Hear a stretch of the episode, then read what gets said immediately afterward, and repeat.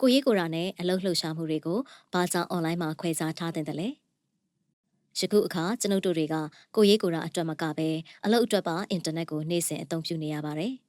ကျွန်ုပ်တို့ Facebook သုံးတာကတငယ်ချင်းတွေမိသားစုတွေနဲ့အဆက်အသွယ်မပြတ်စေဖို့ဒါမှကလုပ်ဖို့ဂိုင်ဘက်တွေနဲ့ဆက်သွယ်ဖို့ဒါမှမဟုတ်ကုမ္ပဏီရဲ့ Facebook စာမျက်နှာကိုစီမံခန့်ခွဲဖို့အတွက်လည်းအသုံးပြုကြရပါတယ်။ email အတွက်လည်းအလားတူပဲဖြစ်ပါတယ်။ တချို့ကကိုရေးကိုရာနဲ့အလုပ်အတွက် email တစ်ခုတည်းကိုအသုံးပြုကြပါတယ်။အလုံးနဲ့ကိုရေးကိုရာရောနှောတာဟာကန်ဆိုးမှုတွေဖြစ်လာစေနိုင်ပါတယ်။ဥပမာလိပ်စာမတစ်ခုကို email တစ်စောင်ပို့လိုက်တာ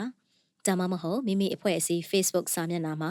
စားတောက်ဆိုင်တစ်ဆိုင်ရဲ့ဓာတ်ပုံကိုမှားတင်တာမျိုးဒါမှမဟုတ်မိမိပုံကိုမှားယွင်းစွာတင်လိုက်တာမျိုးဖြစ်တတ်ပါတယ်။တစုံတဦးကမိမိကိုရေးကိုရာအီးမေးလ်ကိုဝင်ရောက်အသုံးပြုခွင့်ရသွားတဲ့အခါ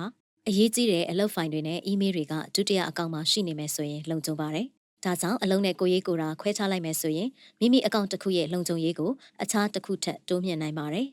။ Google အကောင့်များ Gmail ကိုအသုံးများလာတဲ့အတွက်မိမိတို့တဦးစီတိုင်းမှာကိုယ်ပိုင် Gmail အကောင့်တစ်ခုစီရှိနေလာမှာပါ။အခုကဒုတိယ Gmail အကောင့်ဖန်တီးနည်းကိုကြည့်ရအောင်။ကျေးဇူးပြု၍ဒီ link ကိုဝင်ရောက်ပေးပါ။ အဲ့ဒီမှာသင်အမည်အသုံးပြုသူအမည်အသစ်နဲ့စကားဝတ်အသစ်ကိုထည့်ရပါမယ်။ပြီးရင်သင်ဖြစ်ကြောင်းအတည်ပြုဖို့ Google မှာသင်ဖုန်းနံပါတ်ကိုတောင်းဆိုပါလိမ့်မယ်။ဖုန်းနံပါတ်ကိုထည့်ပြီးရင် Google ကသင်ဖုန်းစီသို့အတည်ပြုကုတ်တစ်ခုပေးပို့ပါမယ်။နောက်ဆုံးအဆင့်အနေနဲ့ပြန်လည်ရယူမဲ့ email လိပ်စာမွေးနေ့နဲ့ကြားမှဖြစ်တည်မှုကိုသင်စီကတောင်းဆိုပါလိမ့်မယ်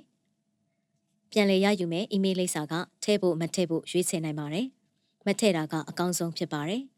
အခုဆိုတဲ့မှာကိုရေးကိုရာဆက်သွယ်မှုအပြင်အလုံးနဲ့အခြားရည်ရွယ်ချက်တွေအတွက်အသုံးပြုနိုင်မဲ့ဒုတိယ Gmail တစ်ခုရပါပြီ။ Facebook တဲ့မှာဒုတိယ email တစ်ခုရပြီဆိုရင်ဒုတိယ Facebook အကောင့်ဖွင့်ဖို့ပိုလွယ်ပါတယ်။ဒီ link ကိုဝင်ရောက်ပါအဲ့ဒီမှာ Facebook ကတင့်နာမည်နဲ့ mobile phone number ဒါမှမဟုတ် email လိပ်စာကိုမေးပါလိမ့်မယ် ဖုန်းနံပါတ်နဲ့ Facebook အကောင့်မဖွင့်တာအကောင်းဆုံးပါပဲ Gmail အကောင့်အသစ်ကိုအသုံးပြုနိုင်ပါတယ်စကဝတ်အသစ်ဝိသက်ဂရစ်နဲ့ကြားမအချက်လက်ကိုဖြည့်ပြီးရင်တင့်မှာကိုရေးကိုရာလှုပ်ရှားမှုအပြင်အလုံးနဲ့အခြားရည်ရွယ်ချက်တွေအတွက်အသုံးပြုနိုင်မဲ့ Facebook အကောင့်တစ်ခုရပါပြီ။ Android phone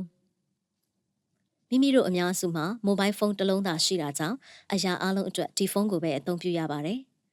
ဆိုတော့မိမိတို့ဖုန်းမှာအလုံးနဲ့သက်ဆိုင်တဲ့ဖိုင်တွေစာရွက်စာတမ်းတွေအပြင်ကိုရေးကိုရာဓာတ်ပုံနဲ့ဗီဒီယိုတွေလည်းရှိနိုင်ပါတယ်။ဖုန်းတစ်ခုထဲမှာပဲအလုံးအတွက်သုံးဖို့တိကျ area ကိုသတ်မှတ်နိုင်ပါတယ်။အဲ့ဒါကဖုန်းတစ်လုံးထဲမှာဖုန်းနှလုံးရှိသလိုမျိုးအလုံးအတွက်နဲ့ကိုရေးကိုရာအတွက်ဆိုပြီးခွဲထားနိုင်တယ်။ Android ဖုန်းတွေမှာဒုတိယနေရာလို့ခေါ်တဲ့အင်္ဂါရက်တစ်ခုရှိပါတယ်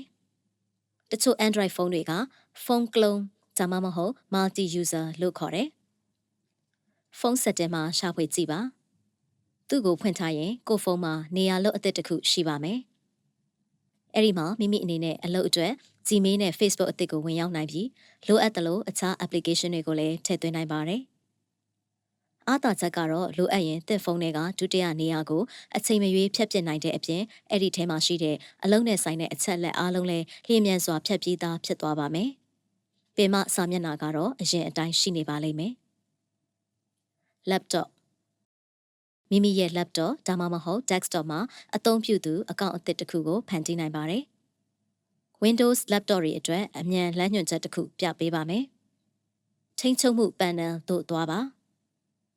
ပြီးရင်အသုံးပြုသူအကောင့်များ user accounts ကိုရှာပြီးကလစ်နှိပ်ပါအသုံးပြုသူအကောင့်များထည့်ရန်သို့မဟုတ်ဖယ်ရှားရန်ကိုတင်တွေ့ရပါမယ်အဲ့ဒါကိုနှိပ်ပါ အသုံးပြုသူအမည်အသစ်နဲ့စကားဝတ်လိုမျိုးအသေးစိတ်အချက်အလက်တွေမေးပါလိမ့်မယ်အဲ့ဒါတွေလုပ်ပြီးတာနဲ့ဒုတိယအကောင့်ရပါပြီ